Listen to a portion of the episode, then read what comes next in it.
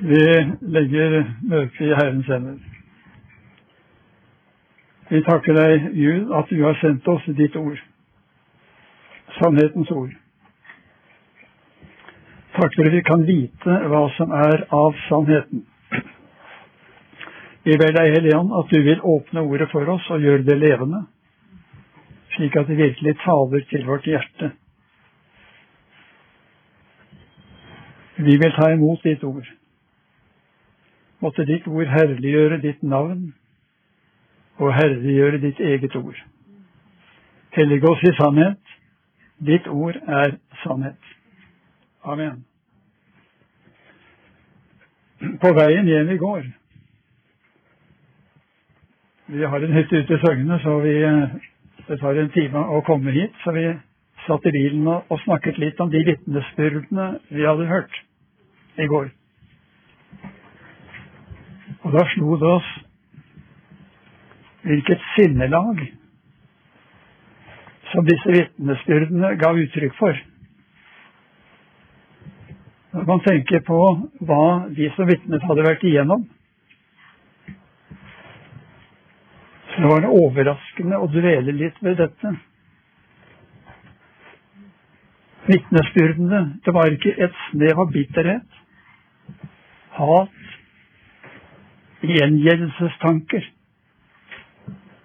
Men det var tilgivelse. Det var tillit til Gud. Det var det Bibelen kaller åndens frukter. Og jeg tenkte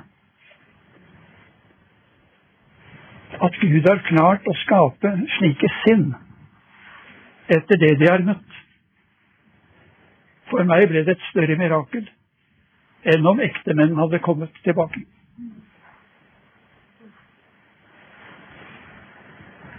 For meg var det sinnelaget som kom til uttrykk, et større mirakel enn om ektemennene fysisk hadde kommet tilbake. Det viste at Herren har seiret. Djevelen ønsker å ødelegge med splid, ukjærlighet, bitterhet, hat, gjengjeldelse. Men han har ikke kommet noen vei.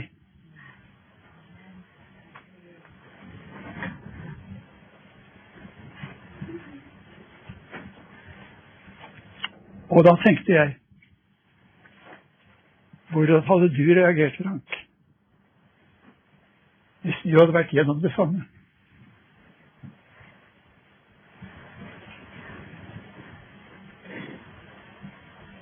Og det er vanskelig å svare på.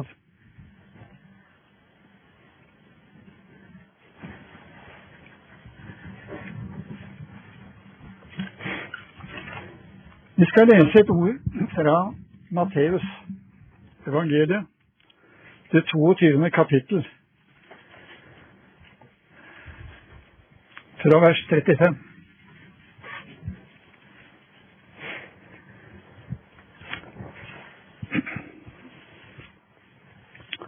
En av fariseerne, en lovkyndig, spurte for å friste ham. Mester, hvilket bud er det største i loven? Han sa til ham, du skal elske Herren din Gud av alt ditt hjerte og av all din sjel og av all din hu. Dette er det største og første bud. Men det er et annet som er like så stort. Du skal elske din neste som deg selv. På disse to bud hviler hele loven og profeten. Man kan spørre seg Hva slags fristelse var det i å spørre hva er det største av budene?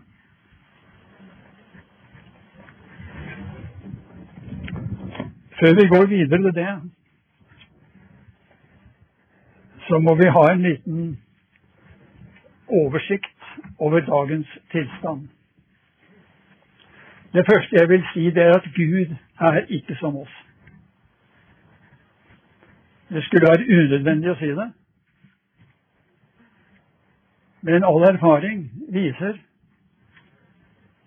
at en av de store forførelser og vanligste forførelser, det er at man tror at Gud er som oss. Men Bibelen sier i fjerde Mosebok, 12. kapittel, 19. kapittel, vers 19, det 23. kapittel, vers 19. Gud er ikke et menneske at han skulle lyve. Ei heller et menneske at han skulle angre.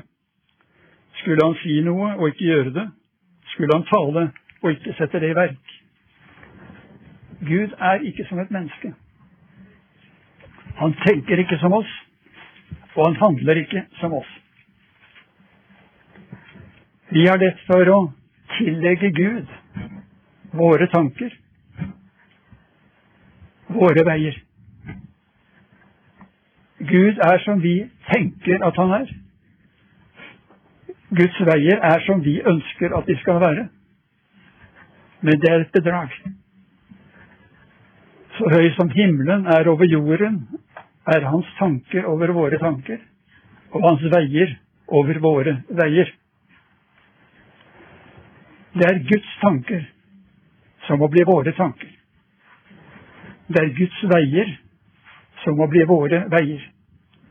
Derfor sier profeten Esaias i det 55. kapittel vers 7 den ugudelige forlate sin vei, og den urettferdige forlate sine tanker, og vende om til meg, så vil jeg rikelig forbarme meg over deg og forlate deg.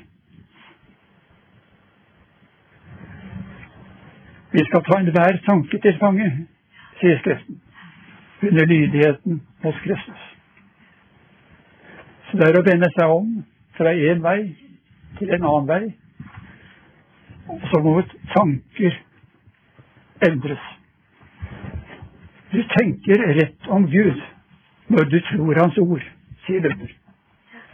Du tenker rett om Gud når du tror Hans ord. Gud er ikke som oss. Han er Gud.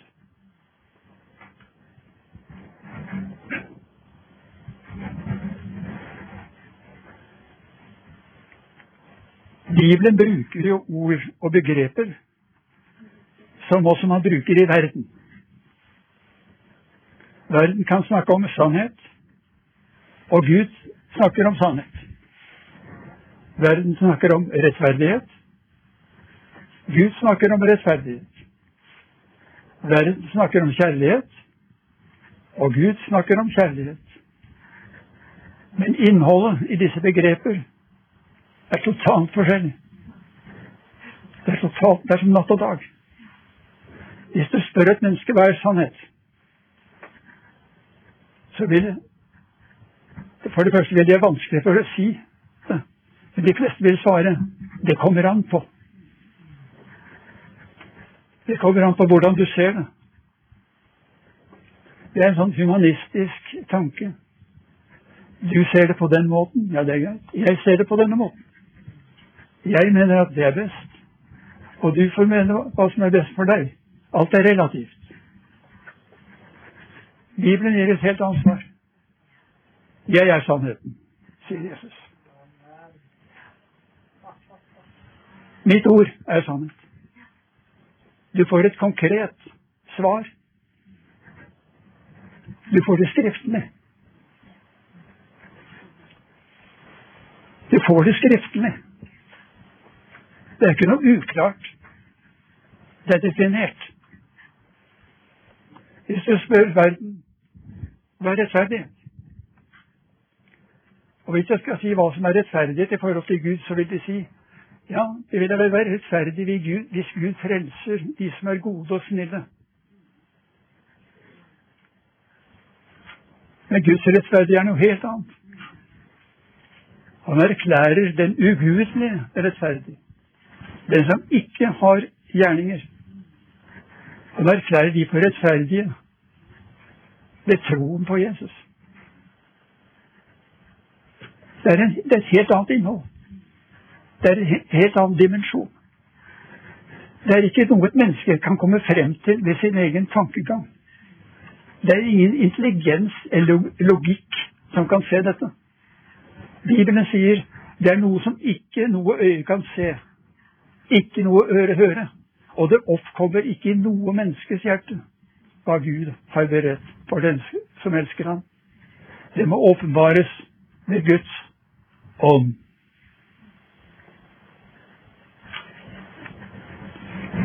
Når verden taler om kjærlighet, så er det himmelvid forskjell for når Gud taler om kjærlighet.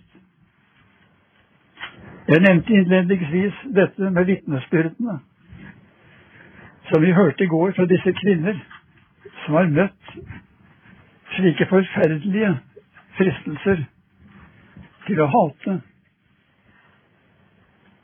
til å bli bitre så tenkte jeg hvordan definerer Gud kjærligheten i Skriften? Og Da tenkte jeg på det som står i 1. Korinter 13. Det er akkurat det vi hørte i går. Kjærligheten er langmodig, er velvillig. Den bærer ikke avvind. Den skryter ikke og oppblåses ikke. Den gjør intet usømmelig søker ikke sitt eget, blir ikke bitter. Blir ikke bitter. Gjemmer ikke på det onde. Den gleder seg ikke over urettferdighet, men gleder seg ved sannhet. Den utholder alt, tror alt, håper alt, tåler alt. Kjærligheten faller aldri bort. Det var de vitnesbyrdene vi hørte i går. Vi hørte et vitnesbyrd om Guds kjærlighet.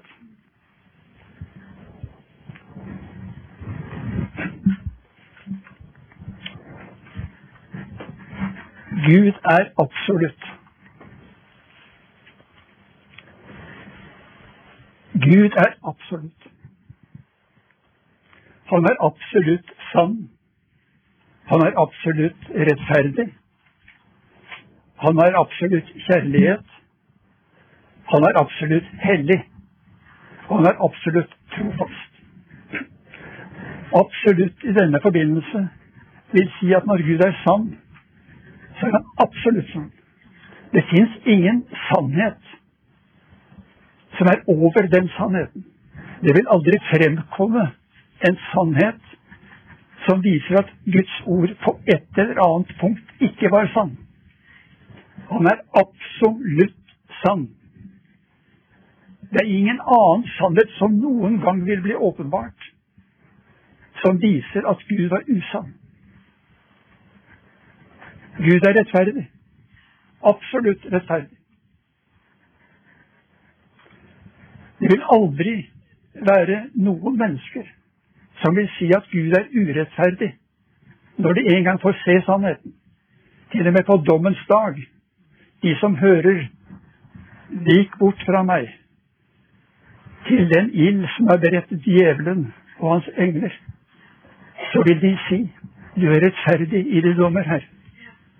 Jeg får som fortjent. Det vil ikke være protester. De vil se det, at Gud er rettferdig, også i sine dommer. For han er absolutt rettferdig. Det fins ikke urett i ham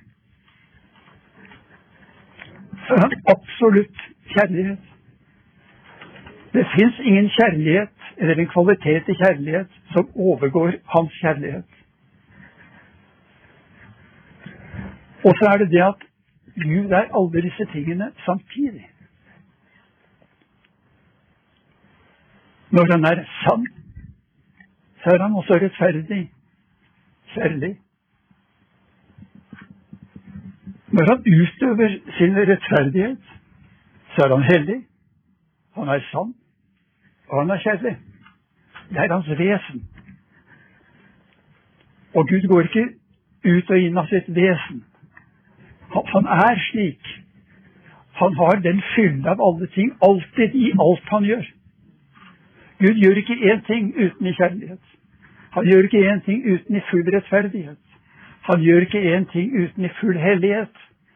Han er en opphøyet herre.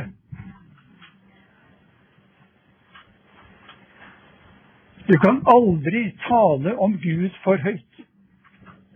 Vi har ikke et språk som rommer de ordene. Og til og med apostelen har fått å si det overgår all forstand. Det går ikke an å uttrykke det med ord. Og det går ikke an i dette livet å se Herrens herlighet klart.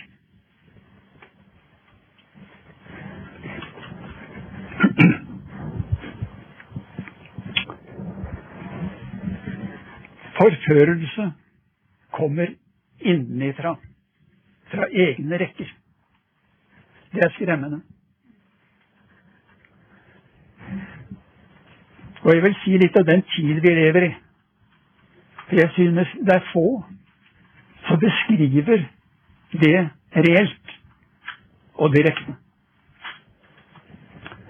Apostel Peter skriver i sitt annet brev, kapittel 2, vers 1.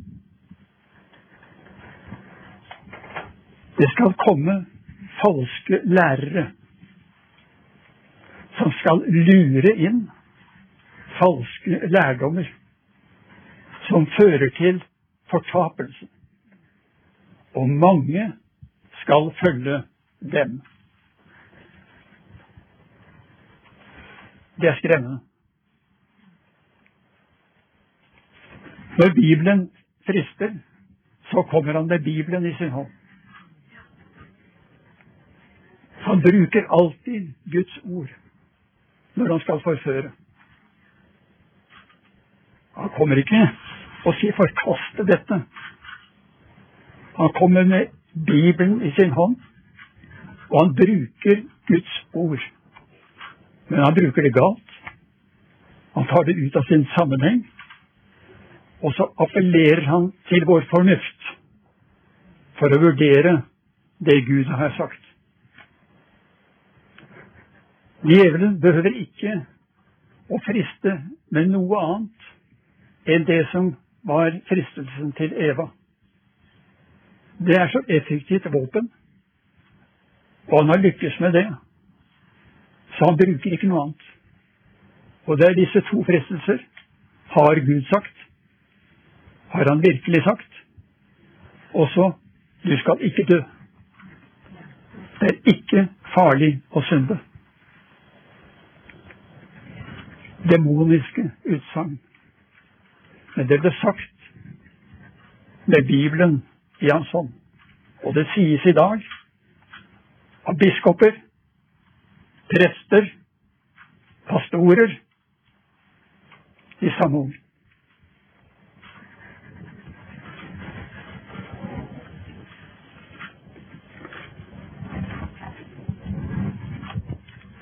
Hvis vi tar et lite tilbakeblikk. Og fordelen ved å bli eldre, det er at man kan se i et perspektiv på 60-70 år bakover. Og se utviklingen i samfunnet.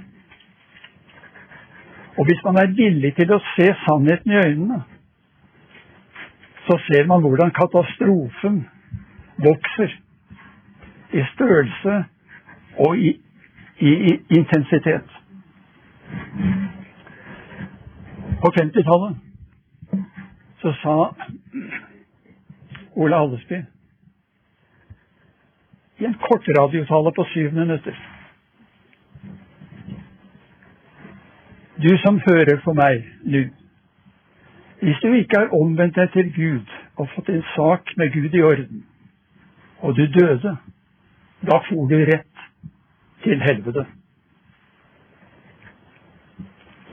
Da brøt det ut en strid i Norge, helvetesstriden, som varte i mange år. Og Hallesby fikk et kraftig kjør.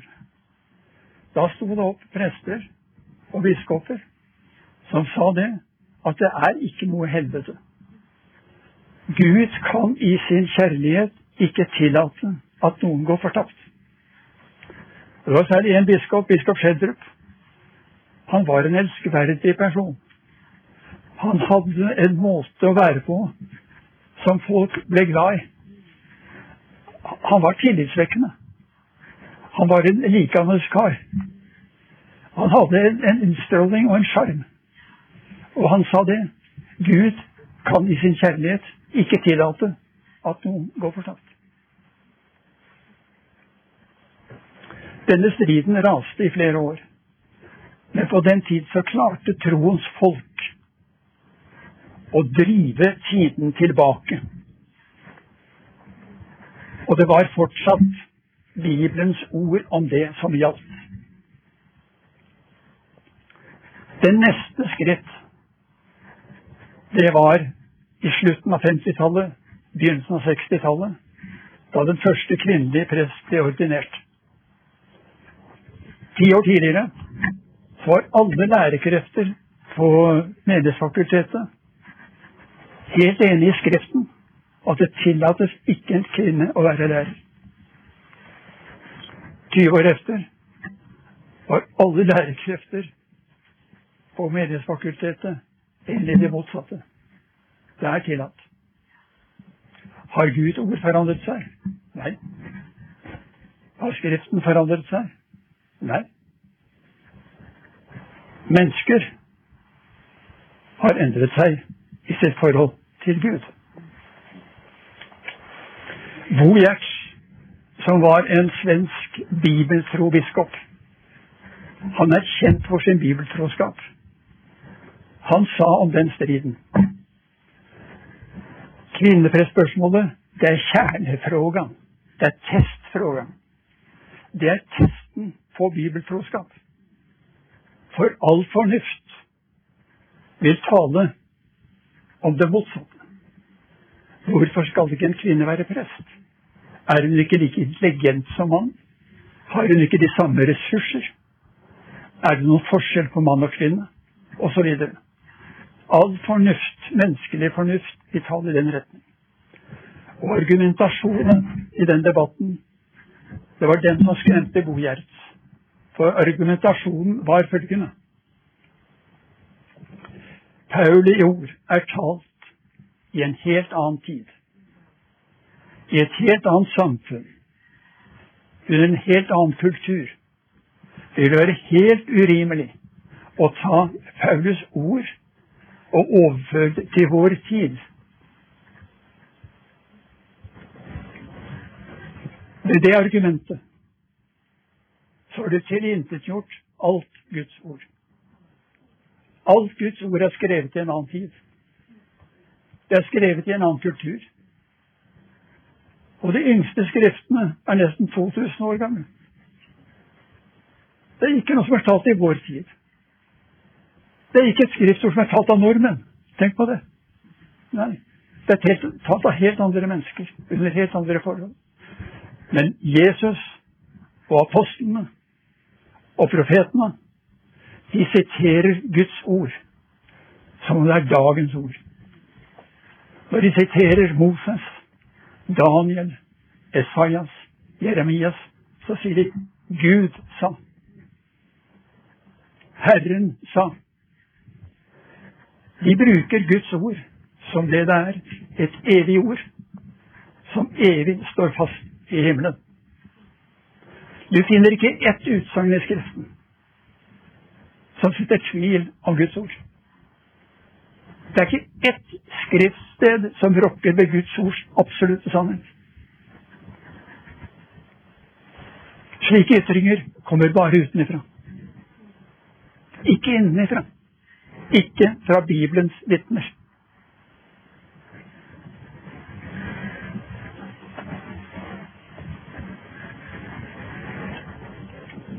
Rosenius, som var en veldig kjent forkynner i Skandinavia, og ble kalt Den lille Luther.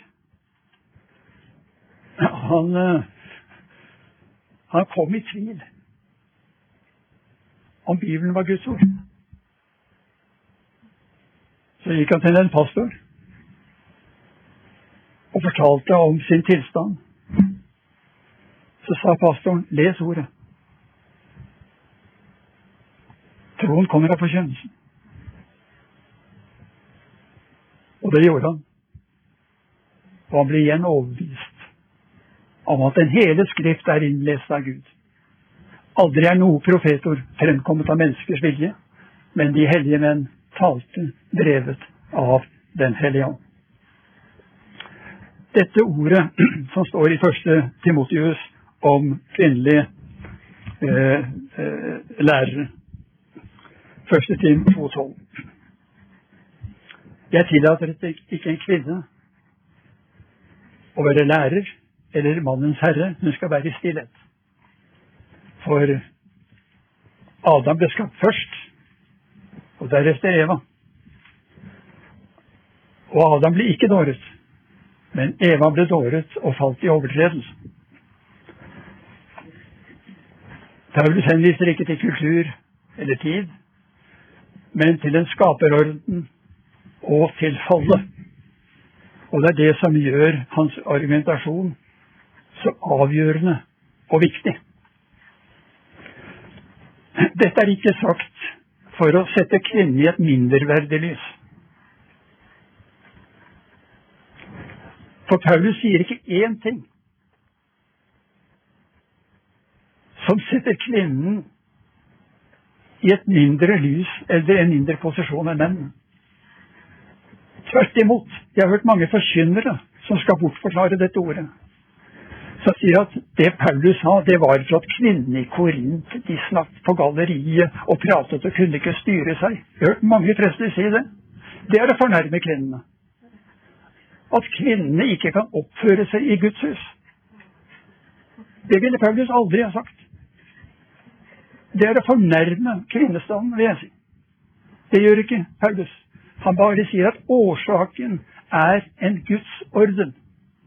Og hvis du leser 1. Korinter 11, så står det Gud er Kristi hode. Kristus er mannens hode, og mannen er kvinnens hode. Det er en orden som Gud har satt, og da vil den bli stående. Alltid. Det er ikke beskyttelse. Disse ordene er til beskyttelse for kvinnen fordi hun en gang ble dårlig og falt. Det er så en så alvorlig formaning.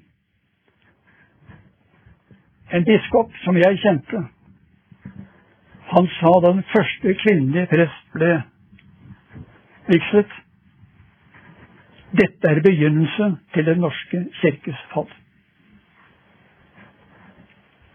Og det var rett. Senere har vi hatt abortstrid. Vi har hatt strid om seksualitet og samboerskap. Vi har hatt strid om homofil praksis.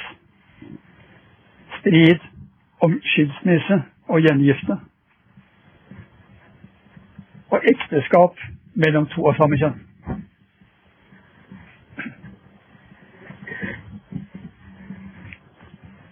Fienden har seiret på alle punkter.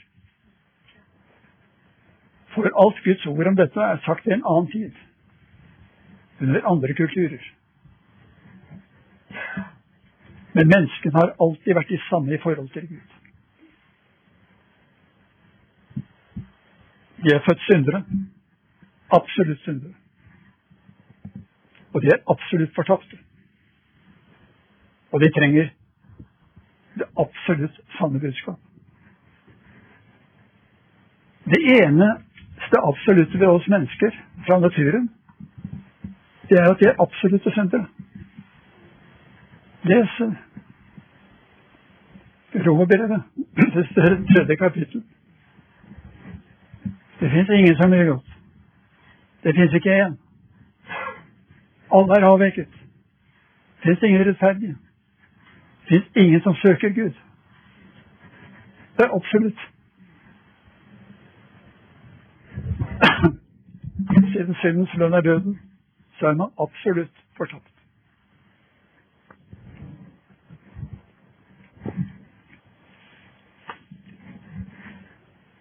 Guds ord er som et hus. Dette vil jeg at du skal huske, for det er enkelt å forstå, og det er en god modell for tankene. Guds hus Nei, Guds ord er som et hus med mange dører. Det er like mange dører som det er skriftsteder. En sann bibeltro kristen person befinner seg inne i huset. Han tror alt Guds ord. Han forstår ikke alt, men han vet at alt Guds ord er sant. Det er ikke ett ord som er fremkommet av menneskers vilje. Men det er skrevet av menn, drevet av Den hellige. Han vet det. Hvis han går ut av én dør, så er han utenfor huset.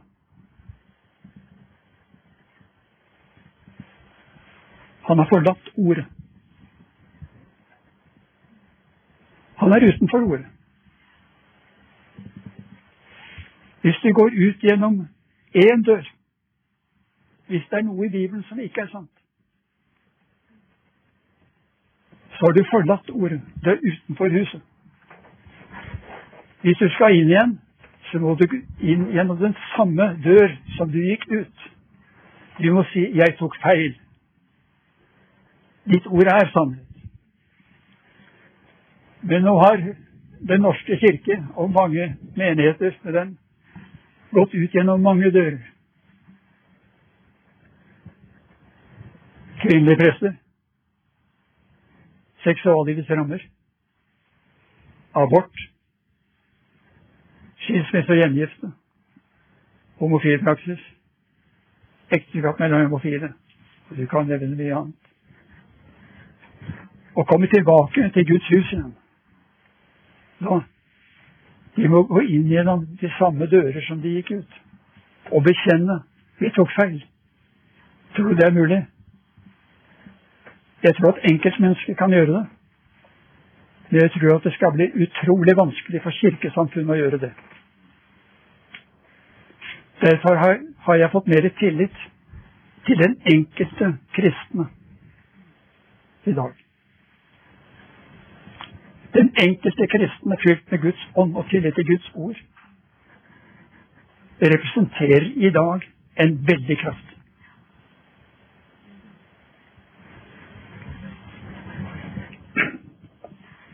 Så litt tilbake til det jeg åpnet med. Hvis man ikke forstår det innledningsordet jeg sa, hva er det største bud i loven? Jo, sier Jesus, det er å elske Gud av hele sitt hjerte og all sin sjel, all sin kraft og all sin makt, og det neste som seg selv. Det er det dobbelte kjærlighetsbud.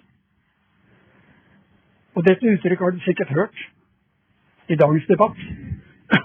At det er mange som bruker det dobbelte kjærlighetsbud for å få folk til å vike bort fra Guds ord. De bruker altså et falskt kjærlighetsbegrep. Og dette er i dag djevelens mektigste våpen.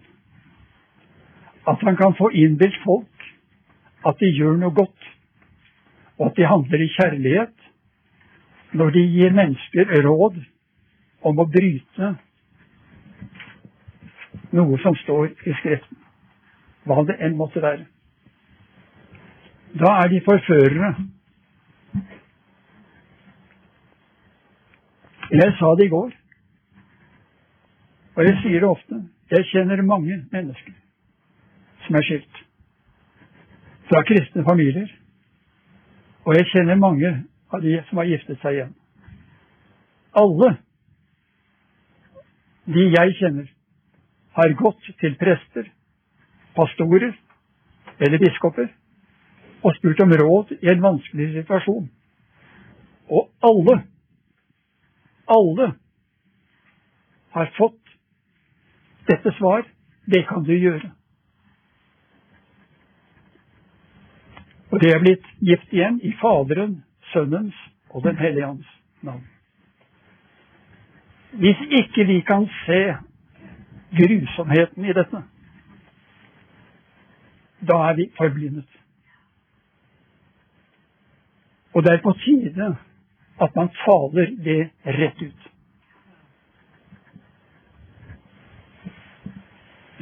Jeg vil ikke være med i noen menighet som ikke står for alle de punktene jeg har sagt her. Jeg vil ikke si at jeg er enig i det. Jeg vil ikke være med på det. For det er ikke bare den som gjør ting, som er skyldig, men de som holder med. De er like skyldige.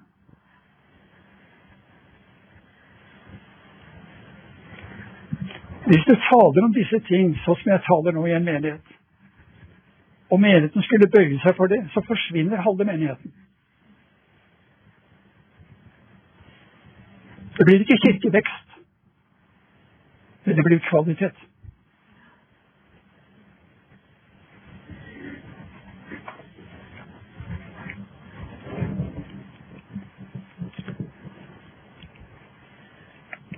Hvorfor tar vi opp disse tingene? Kvinnelige prester, abort, homofili, ekteskap med homofile Når det er så mange andre synder. Som jeg sa i går kveld, disse syndene er synlige. De taler. Det er en preken i disse synder. Når en kristen sier i sin atferd Hvis en kvinnelig prest går på prekestolen, så sier hun første Tim 2.12 er ikke sant. Hun bør ikke si det med ord, men det at hun står der ikledd prestedrakt, det forteller alle at Guds ord ikke er sant. Uten at hun behøver å si et ord. Når vi i en kirke vies folk som er skilt, tidligere ektefelle lever, én, to og tre ganger, så er det en tale. Vi tror ikke på Guds ord. Vi tror ikke på det skrevne ord. Slik kan man ta punkt for punkt. Og når man er i den situasjonen, så vil man ikke tale om det. Du hører ikke tale om ekteskap i menigheten. Nei, fordi halve menigheten er skilt og gjengiftet. Du taler ikke om seksuallivets rammer, for det er fri sex overalt. Du taler ikke om kvinnelige prester, for det er nesten flere kvinnelige prester nå enn mannlige prester. Man unnlater å tale om det, for man kan ikke tale om det troverdig. Derfor er disse syndene spesielle. For når de er åpenbare og offentlige, så taler de sterkere enn ord. Jeg vet at det er ikke mange som leser Guds ord og studerer det. De ser på de som de tror kjenner sannheten.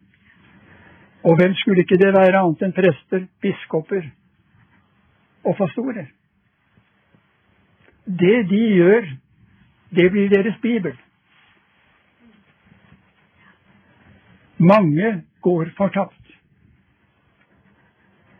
Johannes sier de var av oss. De gikk ut fra oss, sier han, men de var ikke av oss. Men de gikk ut fra oss. Det er akkurat det som Peter sier.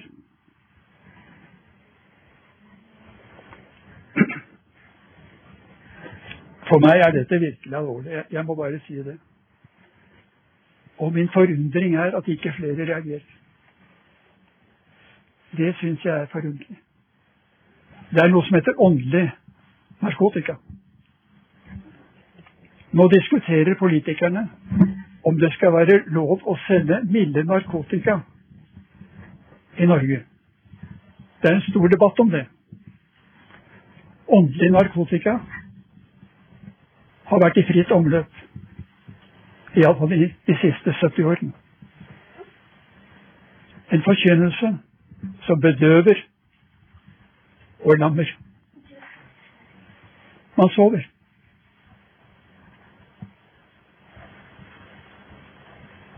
Man kan sitte med de groveste synder i menigheten og kose seg. Der hvor ånden er til stede, er det umulig. Da går det ut. Da Kari og jeg ble omvendt for mange år siden, da satt vi under forkynnelse. Vi måtte gå ut. Åndens nærvær dømte oss. Vi ble rykket inn for Guds ansikt, og vi så oss selv i Guds lys. Og vi kunne ikke gå inn igjen før vi hadde gjort opp med Gud. Men når det serveres åndelig narkotika, da blir man værende i sin rus. Og det er vanedannende.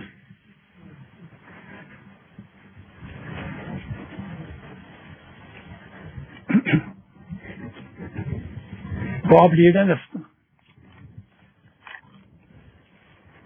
Det neste tror jeg Jeg vet ikke.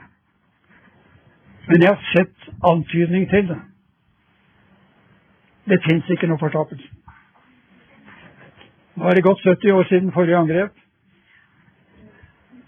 Det var litt for dristig den gang, ikke nå. Jeg vet at det er mange pastorer og prester som i dag har tatt en beslutning i vår menighet. Skal vi ikke snakke om synd, omvendelse og fortapelse. Nå skal vi ha det greit. Her i menigheten skal vi bare vise kjærlighet, og vi skal ha det fint.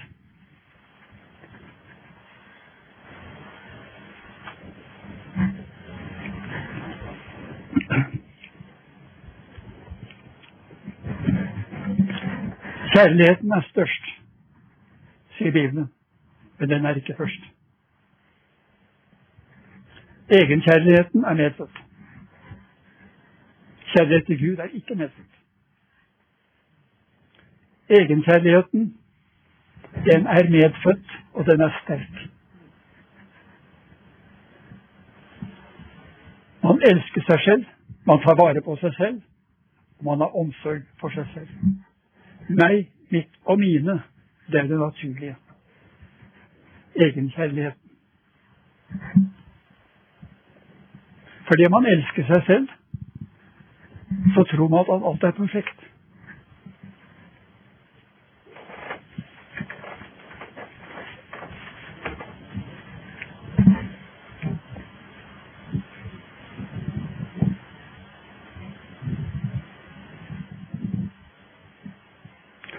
Derfor tåler man ikke sann forkynnelse. For Jesus sier, 'Verden hater meg fordi jeg vitner at deres gjerninger er onde'.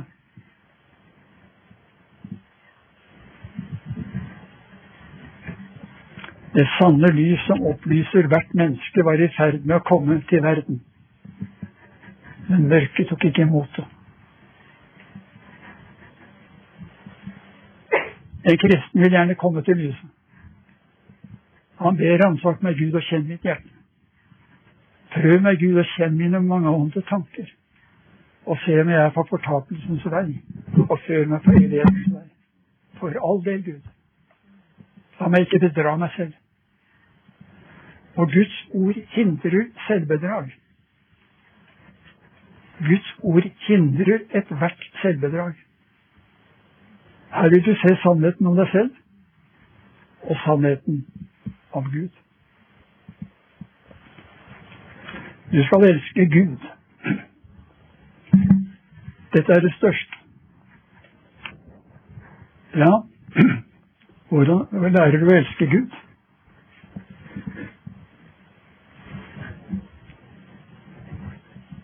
Jeg syns det er den håreste lov du kan få. Hvordan skal jeg elske Gud? Av hele mitt hjerte, all min sjel, all min hu og all min kraft. Hvordan er det mulig? Nei, du kommer ikke dit direkte. Du må høre ordet om Kristus. Du må høre hans dom over ditt liv. At du er totalt fortapt. Og da mener jeg totalt fortapt. Hallesby sier i en av sine bøker du kan ikke bli en frigjort kristen uten å bli en fortapt synder. Ikke bare en synder, men en fortapt synder. Du vil aldri elske Jesus hvis du ikke er blitt en fortapt synder. Du vil alltid bringe med deg noe av din egen rettferdighet. Der er det veldig mye å, å snakke om.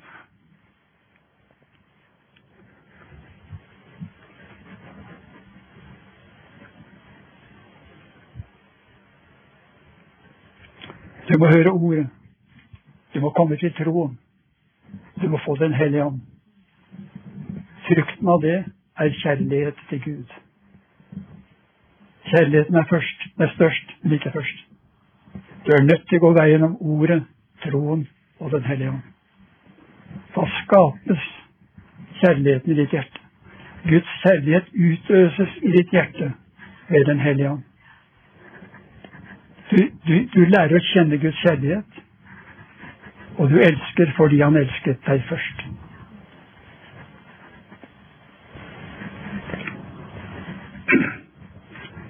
Skal jeg lese to veldig viktige ord som viser hva Jesus mener når han taler om de to største bud.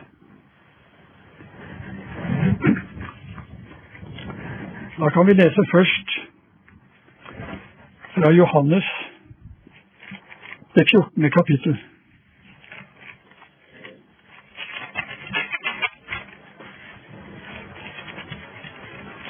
Og da leser jeg fra vers 21. Johannes 14, 21. Den som har mine bud og holder dem, han er den som elsker meg. Men den som elsker meg, skal elskes av min far, og jeg skal elske ham og åpenbare meg for ham. Judas, ikke Iskariot, sier til ham, Herre, hva kommer det av at du vil åpenbare deg for oss, og ikke for verden? Jesus svarte og sa til ham, Om noen elsker meg, da holder han mitt ord, og min Fader skal elske ham, og vi skal komme til ham og ta bolig hos ham. Her sier Guds ord at den som elsker Gud, holder Hans ord. Å elske Gud, det er altså definert. Det snakkes ikke om følelser. Det snakker om å holde Guds ord. Det snakker ikke om å være perfekt. Men det snakker om å ville være perfekt. Å ha en lengsel etter å være perfekt. Å jage etter helliggjørelsen. Å vokse i helliggjørelsen. Når man faller, så reiser man seg opp, man ber. Og dersom vi bekjenner våre synder, så er han trofast og rettferdig. Så forlater deg syndene og renser deg fra all urettferdighet. Du er ikke perfekt, du blir aldri perfekt, men du jager etter det. Det vil det si å holde Hans bud. Så Gud innbiller oss ikke noe. Hvis noen sier at han ikke er synd, da er han en løgner. Og sannheten er ikke han. Han kjenner oss. Men han har skrevet sin lov i vårt sinn og vårt hjerte, sier Hebrevbrevet, det åttende kapittel. Slik at hvis alle skal lære å kjenne ham Ingen skal si 'kjenn Herren', for alle skal kjenne meg, både store og små. Det er en pakt han har opprettet med oss. Så kan vi lese Romerne 13, 8-10. Det er et meget viktig vers.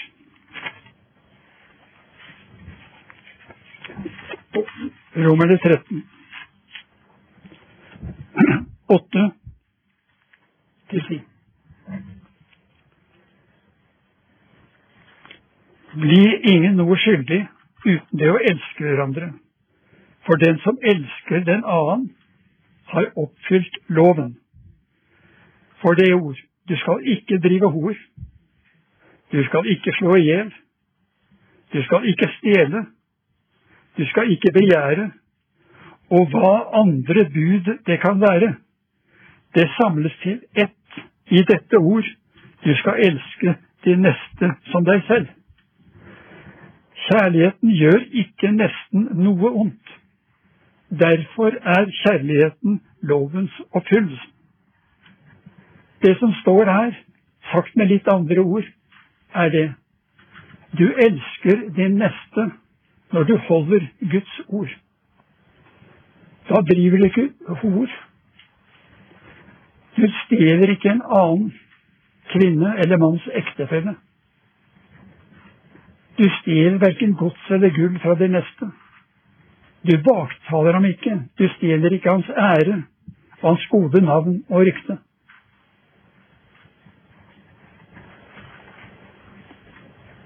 Og sånn kan du gå gjennom alle budene. Du elsker det neste ved å holde Guds bud.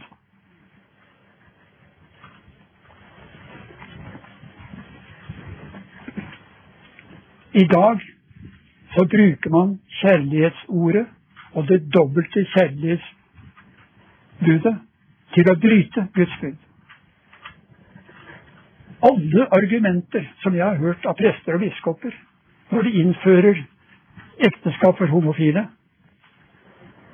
homofil praksis, skilsmisse og gjengifte, så bruker de Vi anvender det dobbelte kjærlighetsbud. Det setter alt det andre til side. Da gjelder ikke budene, fordi kjærligheten er det største. Og det dobbelte kjærlighetsbud, det er det vi anvender. Og ved den tolkningen av kjærlighet så fører de folk til fortapelse og ut i synd. Det er dramatisk. Legg merke til når du leser artikler, hvor ofte det dobbelte kjærlighetsbud blir brukt som en begrunnelse for å synde. Men i Romerne 8, 14, 8, Romerne 8-14, så ser du at du elsker det neste ved å holde Guds bud. Det er tegnet på at du elsker det neste. Johannes sier derved, derved vet jeg at vi elsker vår bror, og vi holder Guds bud. Han sier det sammen. Vi innbiller oss en kjærlighet som er falsk. Gud har aldri sagt ett ord. Loven er talt i kjærlighet. Paulus sier i Romerne 7, 12 og 14 Guds lov er hellig. Den er åndelig. Den er rettferdig. Den er god. Og den er sann. For den viser oss Guds vesen. Gud er slik. Han er lys. Det er intet mørke i ham. Hvis vi sier at vi har samfunn med ham og lever i mørket, da lyver vi, og sannheten er ikke i oss.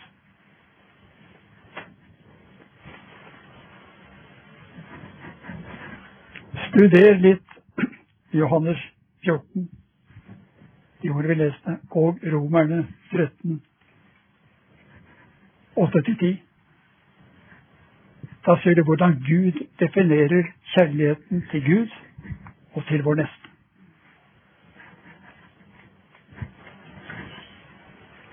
Derfor har Gud sagt i disse to bud at alt, alle Guds bud, det er talt i kjærlighet. Det er ikke noe større eller mindre. For alle disse bud er inkludert i dette. Du skal elske Gud og det neste som deg selv. Fristelsen var at Gud skulle peke på én synd, som var den største. Å si alt som loven sier, den er bygget på profetenes grunnvoll. Gud er som loven. Det er hans vesen. Les Salme 119, som er skrevet av en mann som hadde loven. Bare Det gamle testamentet og Guds lov. I 176 vers så kan han ikke få lovprist loven. Han holder på i det uendelige. Guds ord gir meg liv. Den er min lyst. Av den får jeg forstand. Av den får jeg liv. Jeg får glede. Det er som honning for min munn. Det er, det er, å, det er det. Jeg kaster meg over Guds ord som en som finner bytte. Han gir meg forstand, han gir meg visdom, han leder meg, og jeg forlyster meg i hans bud. Hans bud er min rikdom. Han kan ikke få nok på pris, for han ser Gud i det. Det er å ha et rett forhold til Guds ord. Hvor hører du det i dag? Nei, det gjelder å dissekere og finne ut. Ja, ja, står det sånn, og er det sånn, og Bli i huset. Gå ikke ut av det på noe punkt. Og du kommer ikke inn igjen uten å gå inn samme dør som det gikk ut. Amen.